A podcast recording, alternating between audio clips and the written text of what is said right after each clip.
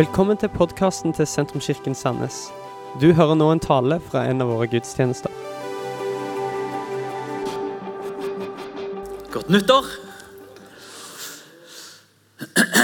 Uh, og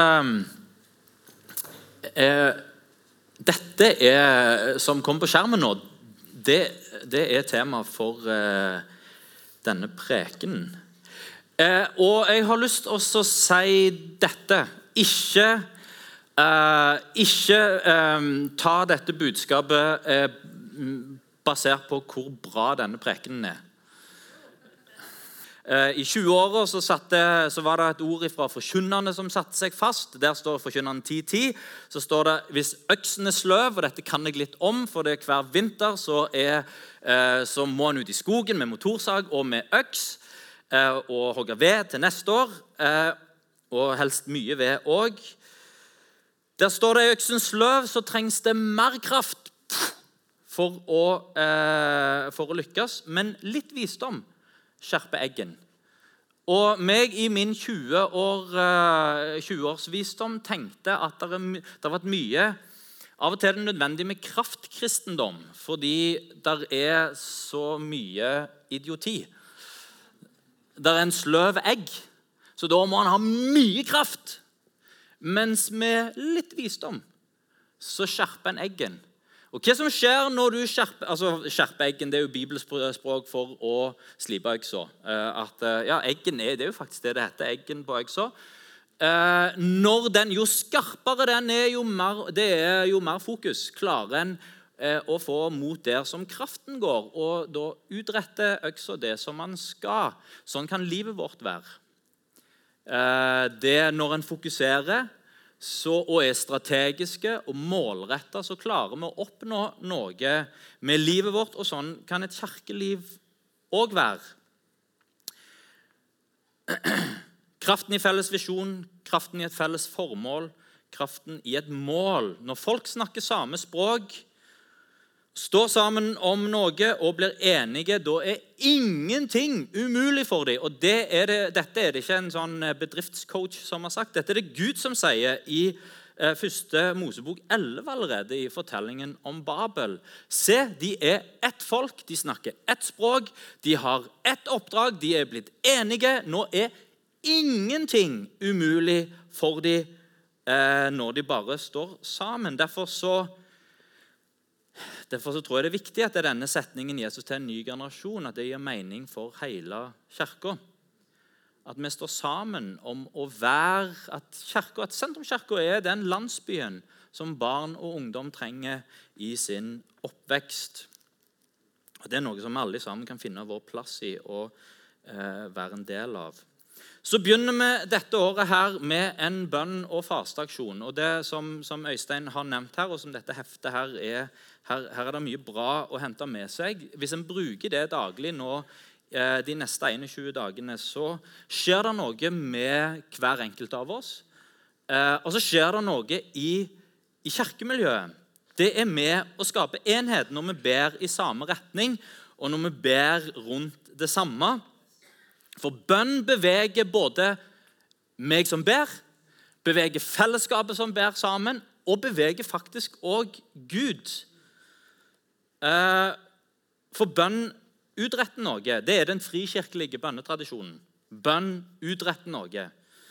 Eh, Og Jakob skriver det at et rettferdig menneskes bønn har stor virkning og kraft. Men så er bønn òg noe mer. Og Det skal vi òg gjøre i denne bønne- og fasteaksjonen. Og det er her mitt fokus kommer inn. Eh, For jeg kommer ikke til å snakke om bønn som utretter noe. eh, Men eh, bønn er òg nærhet til Gud. Målet for våre bønner er ikke nødvendigvis det som bønnene skal utrette. Men målet for den kristne sin bønn det er Gud sjøl. Være i hans nærhet, lære han å kjenne. Og det er vanskelig. Og særlig i vår tid så er dette problematisk. Jeg syns å se at bønnen forsvinner ifra vår tid. Og kanskje er det fordi Og det er her det kom inn dette her med at det handler ikke om hvor bra denne prekenen er, for dette tror jeg er viktig. Jeg tror konsentrasjonen vår er i ferd med å forsvinne vekk. En ser det i skoleverket.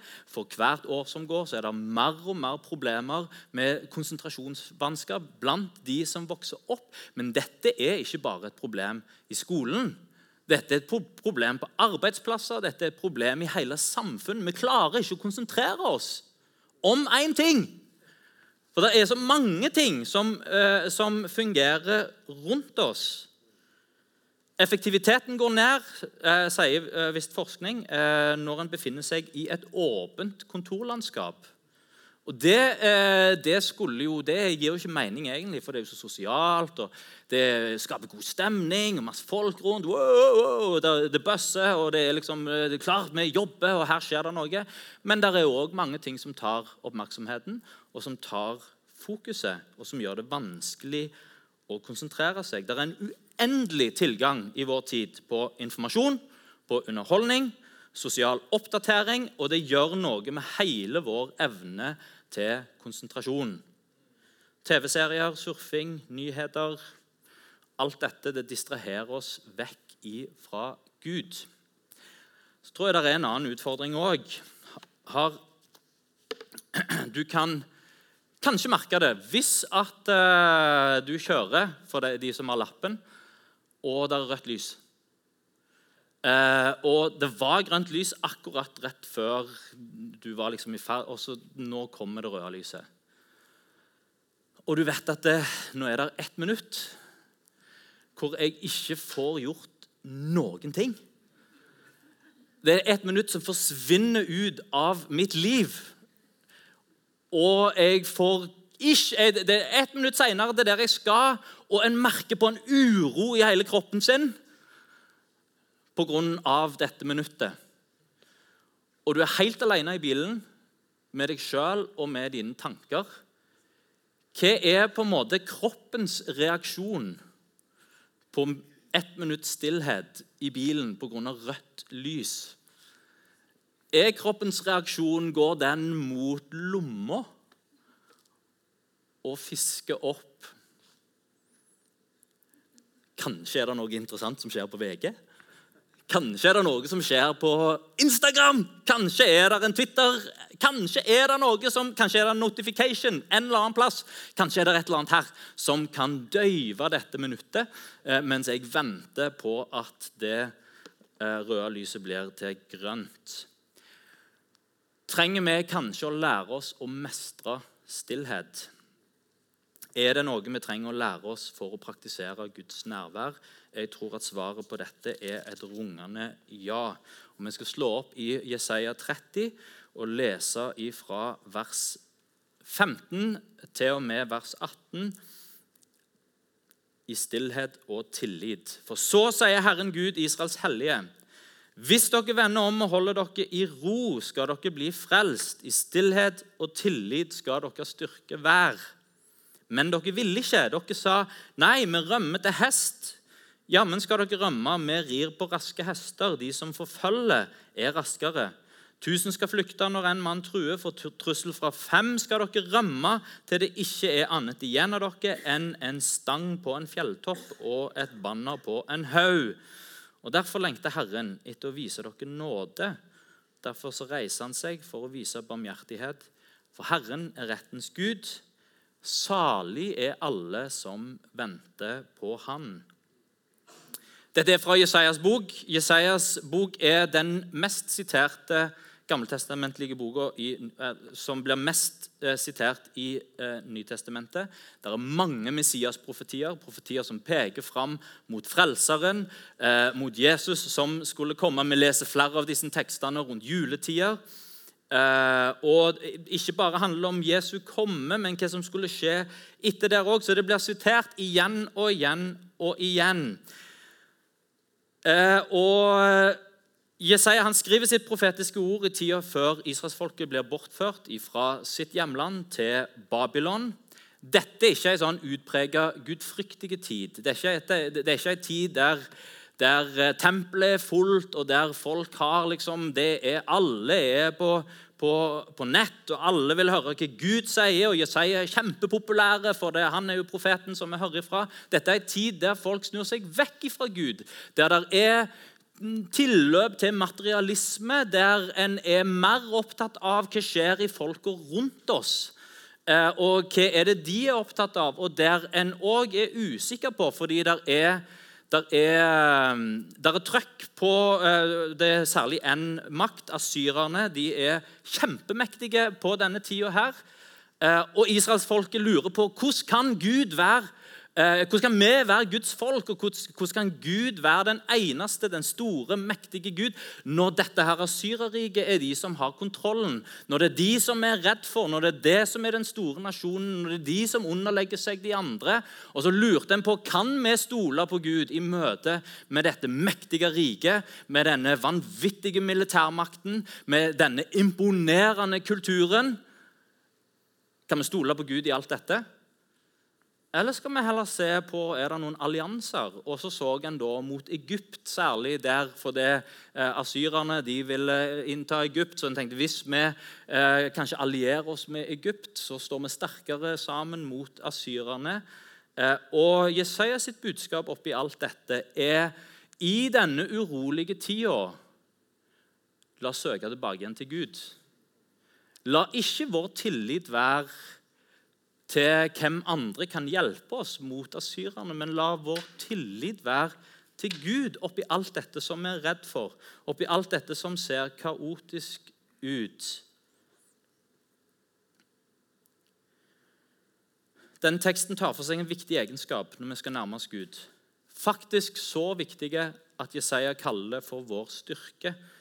I stillhet skal deres styrke være. Jeg tror dette er noe vår tid trenger mer enn noen gang. For vi lever i en tid som er støyforurensende på utsida, men kanskje aller mest på innsida. Vi trenger stillheten. Min bønn til Gud er Gud, gi meg å mestre stillhet. For hva gjør stillhet med oss? Og Det ser vi her fra denne teksten. Første tingen stillheten gjør med oss, i stillheten så møter vi Gud. I stillhet så møter du Gud. Jeg er sikker på at her inne i, denne, eh, i dette rommet så har vi et ulikt forhold til stillhet. Noen elsker det, eh, noen kanskje for andre kanskje fordrar det. Eh, og I Norge så er vi sånn, eh, sånn, eh, ikke bare moderat, men mer enn moderat opptatt av stillhet. Det skal være, Vi har eh, helgedagsstillhet. På søndag så skal det ingen skal klippe, klippe gresset. Iallfall ikke stå med motorsag, for det skal være rolig rundt oss. Det som utlendinger sier når de kommer til Norge, det er omtrent det første som skjer når du kommer til en norsk flyplass. Det er at Oi, her er det ingen lyd. Her er det helt stille. Og Eh, når, eh, når Vesna og jeg gifta oss, Vesna kona mi som er fra Makedonia, eh, for, for, mange mange, mange år siden, så, så hadde nok vi sånn, to forskjellige oppfatninger av stillhet. For eksempel morgenen så tenker jeg det er fint å stå opp, og så er det helt stille i huset. Vesna tenk, tenkte, og tenker fortsatt, at ja, men du står opp om morgenen. Det er jo radio. Kjører på radioen, og så kommer det masse informasjon. Og liksom masse, og, og, og du kobler på verden, og uh, badet lever, og huset lever, og det er lyd. Uh, så, så, uh, så Vesna står opp, radioen går av, jeg går opp, radio, jeg står opp, radioen går av. Og så sånn sakte, men sikkert gjennom året, så plutselig så var det ingen radio. Og Vesna leter fortsatt etter hvor han er hen. Så det er en sånn kulturell greie. Vi liker at det stiller rundt oss i Norge. Og andre deler av verden så er tenker og det er det mange nordmenn også, som tenker at lyd er trivsel. Vi vil fylle tomrommet med lyd. Og jeg tror det er noe her med dette tomrommet. En kan fylle tomrommet med musikk. Jeg møter Gud gjennom musikk. Kjenner Guds nærvær gjennom musikk. Men først og fremst når jeg konsentrerer meg om det som skjer i musikken. Eh, ofte når en setter på musikk, så setter en kanskje på for å bare fylle et tomrom. Da kan musikk bli støy. En kan kjenne på denne her frykten for stillhet når en er sammen med folk som en ikke kjenner. Og så har han snakket om et eller annet. Ja, fint vær. Nei, det er jo ikke det. Det er dårlig vær. Eh, mørkt nå i januar, regner mye, og skulle vært snø. Det var ikke snø. Eh, ja, ja, ja. Global oppvarming. Eh, og så snakker han litt ja, hvordan var romjula di. Ja, ja, så mye film. Eh, bla, bla, bla. Og så går han tom for, noe, for ting å snakke om. Og så blir det stille. Hva sier jeg nå? Awkward mm, Ha det. Eller når han ikke får sove. Eller når det ikke er noe som skjer. Eller en har en ledig stund, der er en pause. Hva, hva gjør en i de tidene der? så er det denne her hungeren etter stimuli, etter underholdning. Hva gjør de andre? Hva gjør Ole Gunnar Solskjær? Ah, VG vet hva han gjør! Hva skjer med favorittserien min? Hva skjer rundt meg? Er det noe nytt på Netflix? Hva skjer på jobben? Kanskje har han mye ansvar på jobben. Kanskje klarer han ikke å legge vekk telefonen, fordi kanskje er det en mail som kommer. Noe viktig som skjer. En pause. Nei, nei, jeg kan ikke ha pause nå. Nei, det der er et eller annet som skjer rundt meg i meg. Stillhet handler om fokus. Å kunne fokusere tanker og kunne slappe av i at det ikke skjer noe. Mange, særlig menn, eh, kan gjerne bli sånn inneslutta når en går gjennom vanskeligheter. En stiller på utsida, men det er kaos og bråk på innsida. Da òg er det fristende å bare prøve å jage, distrahere fokuset vekk på et eller annet. Hvis dere vender om og holder dere i ro, skal dere bli frelst, sier Jesaja. I stillhet og tillit skal dere styrke hver. I stillhet møter du Gud. Derfor er det viktig å være stille, og det er viktig å søke stillhet. Jesus drog seg tilbake til stille steder. Han drog inn i ødemarken der, eh, når du er i ødemarken, så vet du, der er det stille. Han drog seg mot stillhet, og så møtte han Gud der. Han gikk fra å gjøre barmhjertighet til å søke den barmhjertige. Mor Teresa sier det at uten Gud så er vi for fattige til å kunne hjelpe den fattige. Jesus visste dette, og derfor drog han ut i ødemarken for å være stille, for å møte Gud. Og sånn som dette oppmuntrer Jesus oss til å søke Gud. I Matteus 6, 5-7 sier han når du ber, så skal du ikke gjøre som hyklerne. De liker å stå i synagogene og på gatehjørnene, der det er mye bråk, og be for å vise seg fram for folk. Sannelig sier dere de har alt fått sin lønn. Altså, De ber for folk, egentlig. Men når du ber, så skal du gå inn på rommet ditt og lukke døra og be til din far, hør, som er i det skjulte. Og han skal lønne deg. Når dere ber, og det er jo en fristelse òg Og i bønn så er en tomrommet kommer. Er vi fylle det med ord? Når dere ber, skal dere ikke ramse opp ord. De tror de blir, eh, de, eh, sånn som hedningene gjør, for de tror de blir bønnhørt ved å bruke mange fine ord. Det går faktisk an å be i stillhet. Feil sted å be er det stedet som tar oppmerksomheten din og som retter fokuset mot andre mennesker. Lås deg inne på rommet ditt. Eller gjør som Jesus, trekk deg ut i ødemarken, der det er stille, der du kan være alene. Vær med deg sjøl. Vær i det skjulte, for Gud er i det skjulte. Han er der. Du trenger ikke si så mange ord, du trenger ikke ramse opp masse ting. Men du kan være konsentrert på Han. Gi han tankene dine, gi han følelsene dine, og fokusere følelser og tanker mot han. I Østens religioner så lærer han seg å meditere. Det handler om å tømme tankene sine. I den senere tid så er det også mange som snakker om mindfulness, som handler om å akseptere tankene våre og ha oppmerksomhet på de og være sjølbevisste. Eh, og sånn som jeg forstår det, så handler det om å være til stede i egne tanker og følelser. Være årvåken på seg sjøl. Det kan sikkert være til hjelp. Men å være stille sammen med Gud handler om mer enn å tømme tankene sine og bare være bevisste sine egne tanker. Det handler om å fokusere sine tanker på Han.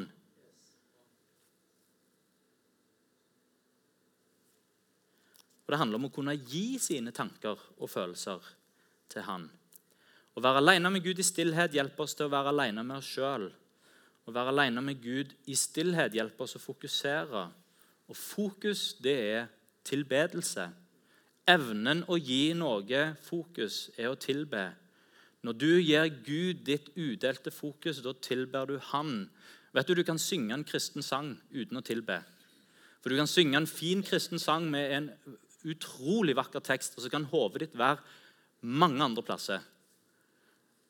Andre ganger så kan en være helt stille og ha fokuset sitt på Han, og en tilber. Det er det veldig bra å synge en kristen sang og tenke på Gud òg. Så, så, det òg er tilbedelse. Det var ikke det som var poenget. at det Alltid når vi synger kristen sanger, så tenker vi på andre ting.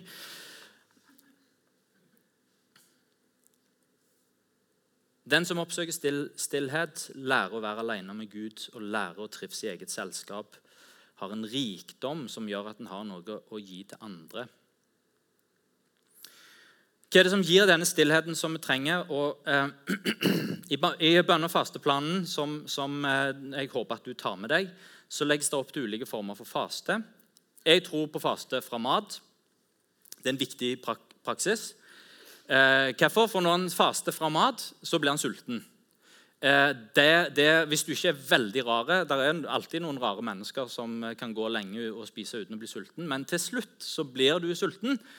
Eh, og da er det en følelse i deg som Når du husker på hvorfor du ikke spiser eh, Nå spiser jeg ikke for jeg vil tilbe Gud. Så kan du ta den følelsen av å bli sulten til å huske på at ja, mennesket lever ikke bare av brød men av hvert ord som kommer ut fra Guds munn. Det er en praktisk måte med, med, med hele seg sjøl å vise at Gud, jeg fokuserer på deg. Um, og, ehm, og, så er det en, praktisk, det er en praktisk tilbedelse.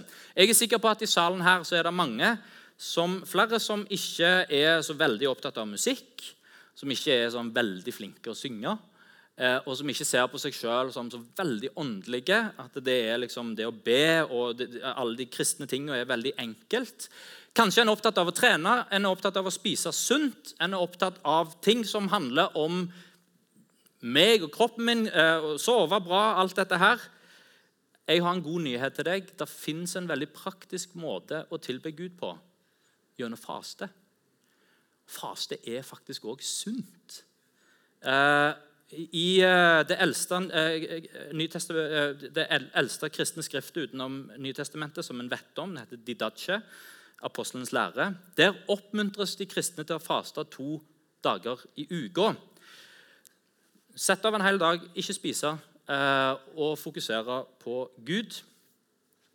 Og det er faktisk sunt. Det er flere som oppmuntrer til en sånn 2-5-diett To dager der, og kroppen får rensa seg. Det er masse bra ting som kommer ut av dette her, så lenge du husker på å drikke masse vann istedenfor masse kaffe. Eh, jeg vet ikke hvor sunt det er å ha, eh, ikke spise mat og så bare drikke kaffe hele dagen. Det er noen av oss som gjør det.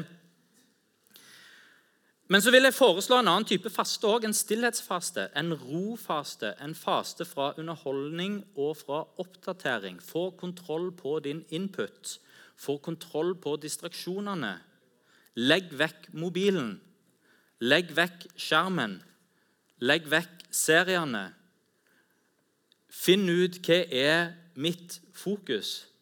Kjenner du på et avhengighetsforhold til mobilen? Ja, men i denne, disse 21 dagene med bønn og faste, legg vekk mobilen.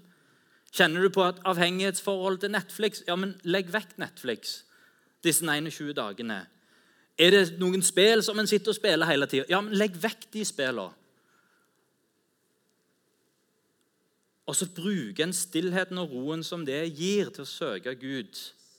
I stillheten som det skaper, der kan du møte Han. Det er min konkrete utfordring. Gi rom for stillhet denne måneden gjennom å rydde plass i distraksjonene. I stillhet så hører du Guds stemme. Skapelsen begynner med at jorda var øde og tom. Guds ånd svevde over vannene, og det var stilt. Så taler Gud, og da skjer det noe. Han snakker ut av stillhet. Hvor er Gud? Gud er alle steder. Hans ånd svever fortsatt over vannene. Og i ditt hjem og på din arbeidsplass og i bilen din og i naturen og rundt alle. Han er alle, han er alle steder samtidig. Når jeg vokste opp hjemme hos mine foreldre, eh, så hadde jeg rom nede i kjelleren. Så jeg brukte kjellertoalettet. på på kjellertoalettet i min ungdom så var det en, eh, en eh, plakat. Jeg vet ikke om den henger der ennå, men der sto der og bilde av, av, en okse, tror jeg. Jeg vet ikke hvorfor det var bilde av det. Og så sto der 'God speaks when you are still enough to listen'. Og det er sant. Gud taler når vi er stille nok til å lytte.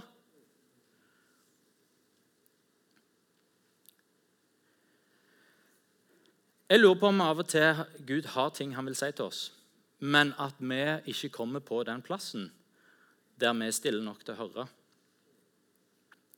At det er ro det er en annen profet, Elias, eh, som befinner seg i ødemarka. Han er stressa, han er under stort press, han er redd, føler seg alene, han trenger Gud.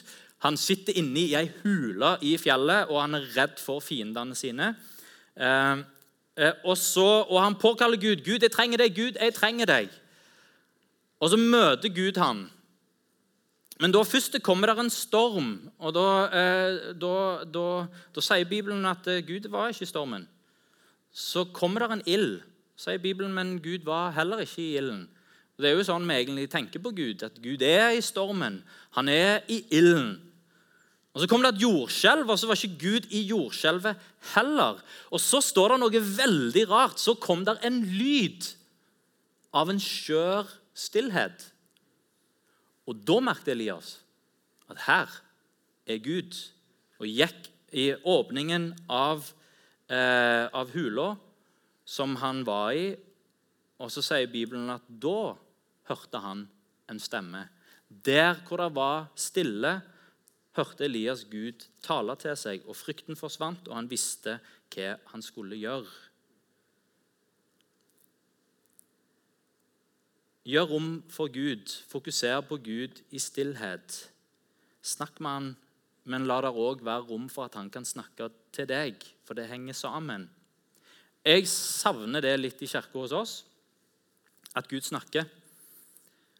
Og at en hører det språket av og til. Jeg tror Gud sa til meg. Og ikke at det handler om eh, Jeg tror Gud sa til meg noe som du skal gjøre. Eller noe som kirka burde gjøre men at Gud sa til deg noe som handla om, om, deg og din familie. Og din arbeidsplass og din skole. Ditt nabolag. Ditt liv. Og så syns jeg det, Dette er bare en observasjon. Jeg syns å høre at de gangene en hører det språket bli brukt, så handler det om oppbrudd. Det handler om at eh, en skal flytte. Det handler om at en skal dra ut som misjonær. Det handler om at en skal bytte menighet. Det handler om at en skal reise på et eller annet på bibelskole. Og hør meg, alt det Gud kaller oss til oppbrudd av og til. Og, og, og, dette er allerede fra 1. Mosebok 12. så Abraham hørte Gud dra vekk fra din by og fra din familie og alt sammen og dra til det landet jeg skal vise deg. Dette her, denne kirka er et resultat av oppbrudd og at Gud har talt. Men det kan ikke være den eneste gangen Gud taler til oss om noe, er når det er et oppbrudd. Han har noe han har lyst til å si til deg om 2020. Om livet ditt akkurat nå, der som du er. For En liten stund tilbake så var det en familie som hadde vært på leir i løpet av sommeren, og som kom tilbake etter leiren og som sa vi opplever Gud har talt til oss. Vi, vi, vil være med å bidra der som det trengs aller, aller mest. Og som allerede var med og var, eh, og, og, og, eh, var engasjert. Men vi, vi, vil være med og føle det er tid for å ta mer ansvar. og som gjorde det etterpå. Fordi det var noe Gud hadde lagt på deres hjerter. Og det har vært til sånn en velsignelse for Kirka og for så mange folk. Vær stille, vær med Gud, la han snakke til deg. Vi ber rundt dette at vi vil gi Jesus til en ny generasjon. Det jeg har lyst til å utfordre oss til, er å spørre Gud Gud, hva er min plass? Og Tenk det der er en ung mann som opplever at Gud taler om å investere inn i de unge guttene i denne kirka. En bestefar som kjenner at jeg, ja, Gud taler til meg om å bidra med noe blant ungdommene. Et ektepar som opplever at Gud taler til dem om å åpne opp hjemmet sitt. En familie som opplever at Gud snakker til dem om å fylle stolene rundt kjøkkenbordet når de har middag med unge voksne fra kirka. Noen som hører Gud snakke om et engasjement i lokalmiljøet. Kanskje om å trene et fotballag. Betyr noe for flere enn egne barn i sitt eget nærmiljø. Kanskje noen som opplever Gud sier noe om å bety noe for noen i klassen. Alle sånne engasjement blir så mye sterkere når vi hører Gud snakke til oss. Nå tror ikke jeg at vi må høre Gud for å kunne bety en forskjell. For noen ganger så taler Gud til oss gjennom et behov. Her er det et behov. Jeg kan fylle det. Jeg fyller det.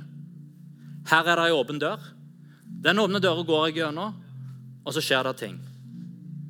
Her var det noen som spurte meg om å være med på noe. Ja, men jeg blir med på det. Og så ser jeg hva som skjer, og så begynner jeg å tjene.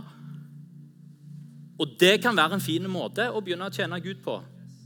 Abraham får besøk av tre ukjente gjester, inviterer de inn og bruker den dagen når han får besøk, til å verte opp sine gjester. Det var ikke noe han hadde planer, det var ikke noe Gud hadde snakket til ham, nå må du gjøre det. Han bare gjorde det. Og i det at han tjente noen andre og glemte seg sjøl, så talte Gud til han.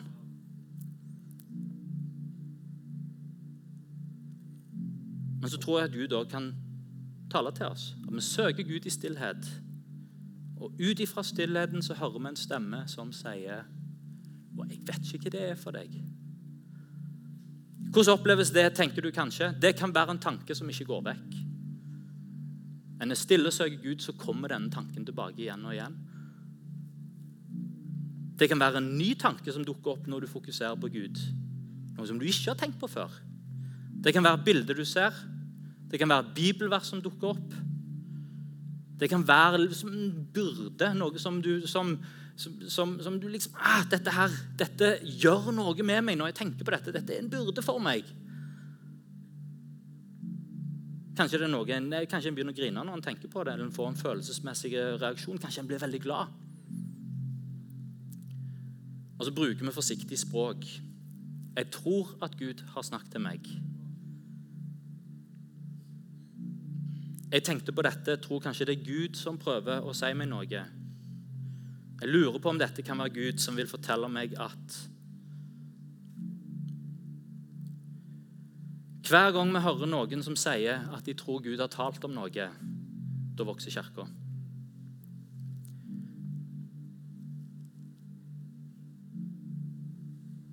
Har du lyst til å være med på det denne aksjonen? Sett av litt tid hver dag. Kanskje fordi du har klart å ta vekk noen distraksjoner. Bruke ti minutter, f.eks. Bare være stille og konsentrere tankene mot Gud. Og gjøre det daglig og se om en klarer å øve opp fokuset til å være i stillhet, sånn at han kan snakke til oss. Og til slutt her så tar vi imot Guds nåde i stillhet. Ting vokser i stillhet. Hvis du går ut i naturen, så, ser, så er det stille. Du ser et tre, det er stille. En blomst, stille. Og i stillhet så vokser treet, og i stillhet så vokser blomsten. Jesus sin fødsel er spektakulære. Englebesøk, dyre gaver, drømmer, langveisfarende besøkende, mirakler, stjerner, dramatikk. Det er, det er jul, og det er dramatikk, og det er Jesu fødsel. Og så hører en ingenting så er det stille. Men Jesus vokste i stillhet. Lukas sier han vokste i alder og visdom og var til glede for Gud og mennesker. og Guds nåde var med han. Samme Paulus. Spektakulær omvendelse. Møtte Jesus ikke bare i et syn, men den oppstandende Jesus det var så blendende at han ble blind. Øynene hans ble åpna igjen. Han, ble, eh, han, han, kom til tro, han ble døpt, han ble fulgt med Den hellige ånd. Han fikk livskallet sitt. Alt skjedde på en gang. Så går det 14 år. Så er det helt stille. Det eneste vi vet, er at eh, Paulus var i Arabia. Hva skjer i stillhet? Paulus vokser, og vokser inn i det som Gud har for ham. I stillhet så mottar vi Guds nåde, og i stillhet så vokser vi. La oss være med å gjøre rom for Gud denne måneden. Fokusere på Han gjennom stillhet, la Han tale til oss. Vi kan bare bli, kan bare bli sittende.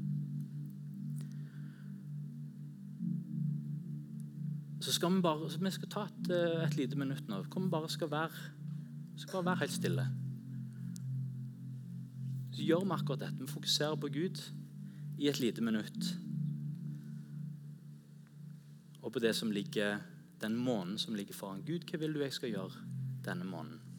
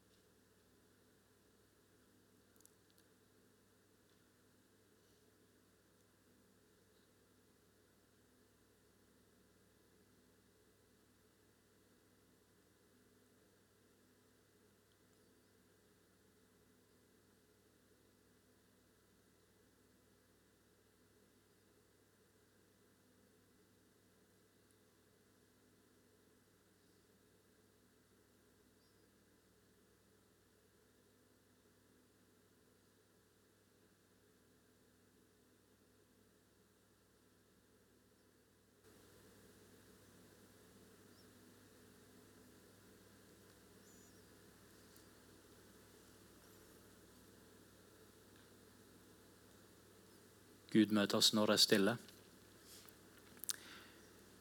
Dette var det minuttet som der er rødt lys. Det går an å fokusere et minutt på Gud. Det går an å la det minuttet bli to minutter, og tre minutter, og fire minutter, og fem minutter. Fokusere våre tanker, fokusere på Han. La det være stille og så taler han til oss. Kan vi reise oss?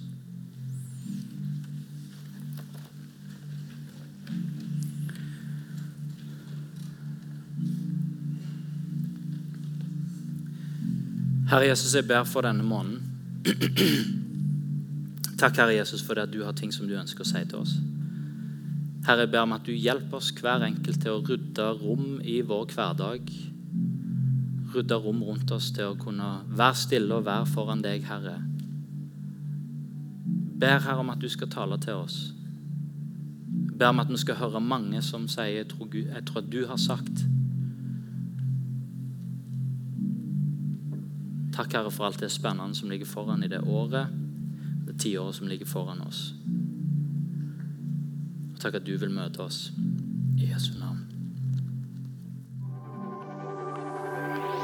Dette var slutten på denne talen. Håper du har blitt inspirert. Om du har lyst til å vite mer om hvem vi er, eller hva vi gjør, eller har lyst til å høre flere podkaster, så kan du besøke vår nettside sentrums.no.